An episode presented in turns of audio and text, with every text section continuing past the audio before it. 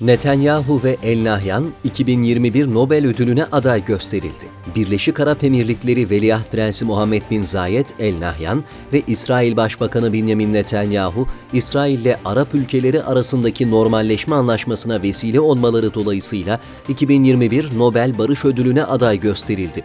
Barış ödülüne aday gösterilen bu iki lider başta Filistin olmak üzere Yemen ve Libya'daki birçok sivilin ölümüne sebebiyet veren çatışma ve iç savaşların baş aktörleri arasında bulunuyor. Putin ve Macron, Dağlık Karabağ Azerbaycan'ın ayrılmaz parçasıdır. Rusya Devlet Başkanı Vladimir Putin, Ermenistan'ın sözde Dağlık Karabağ'ın bağımsızlığını ve egemenliğini tanımadığını hatırlatarak bu demektir ki uluslararası hukuka göre Dağlık Karabağ ve çevresindeki bölgeler Azerbaycan Cumhuriyeti'nin ayrılmaz bir parçasıdır dedi.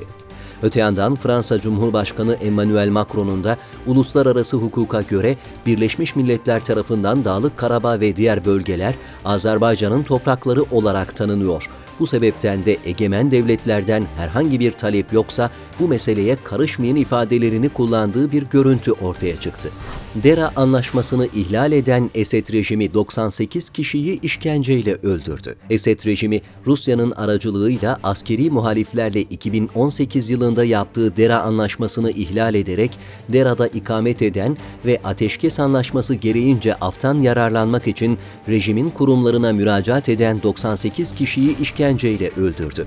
Öte yandan Esed rejimi geçen hafta Şam'da düzenlenen Uluslararası Mülteciler Konferansı'yla Suriye halkına geri dönüş çağrısında bulunmuş, rejim bölgelerine geri dönecekler için güvenceler verileceğini açıklamıştı. Çin'in Papa Franciscus'a Uygur Müslümanları tepkisi. Papa Franciscus 1 Aralık'ta piyasaya çıkacak Let Us Dream adlı kitabında Uygur Türklerini inançları nedeniyle eziyet gören gruplar arasında gösterdi. Çin ise Papa Franciscus'un Uygur Türkleri ile ilgili yorumunun gerçeği yansıtmadığını belirterek ülkede tüm etnik gruplardan insanların dini inanç özgürlüğü hakkının keyfini çıkardığını iddia etti. Etiyopya'da sivillere ilişkin endişe büyüyor. Etiyopya ordusu isyancı Tigray Halk Kurtuluş Cephesi güçlerinin elinde bulunan kuzeydeki Tigray eyaletinin başkenti Mekelle şehrine yaklaşırken burada yaşayan yüz binlerce sivilin çatışmalarda zarar görmesinden endişe ediliyor. Birleşmiş Milletler'den gelen açıklamada Tigray liderlerinin sivillerin arasında saklanıyor olduğuna ilişkin suçlama,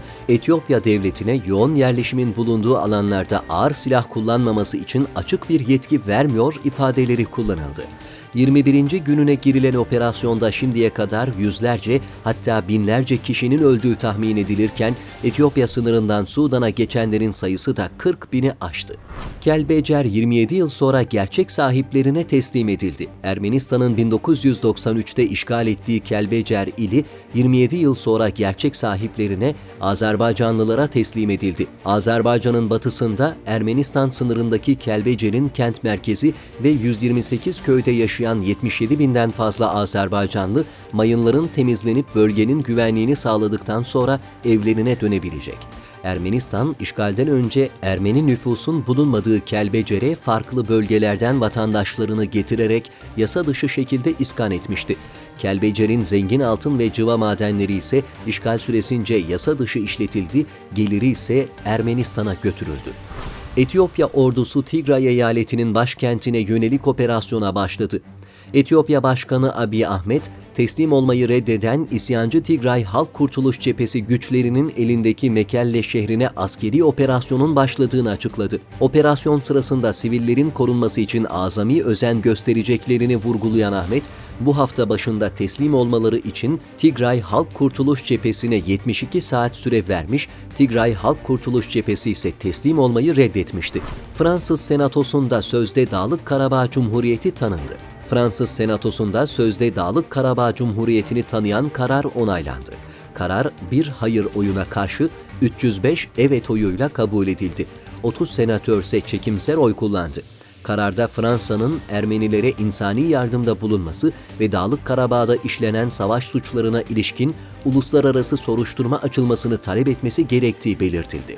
Sözde Dağlık Karabağ Cumhuriyeti'ni tanıyan karar kabul edildi ancak Azerbaycan'la Ermenistan arasında imzalanan ateşkes anlaşmasında Dağlık Karabağ'ın statüsünü belirten unsur bulunmuyor.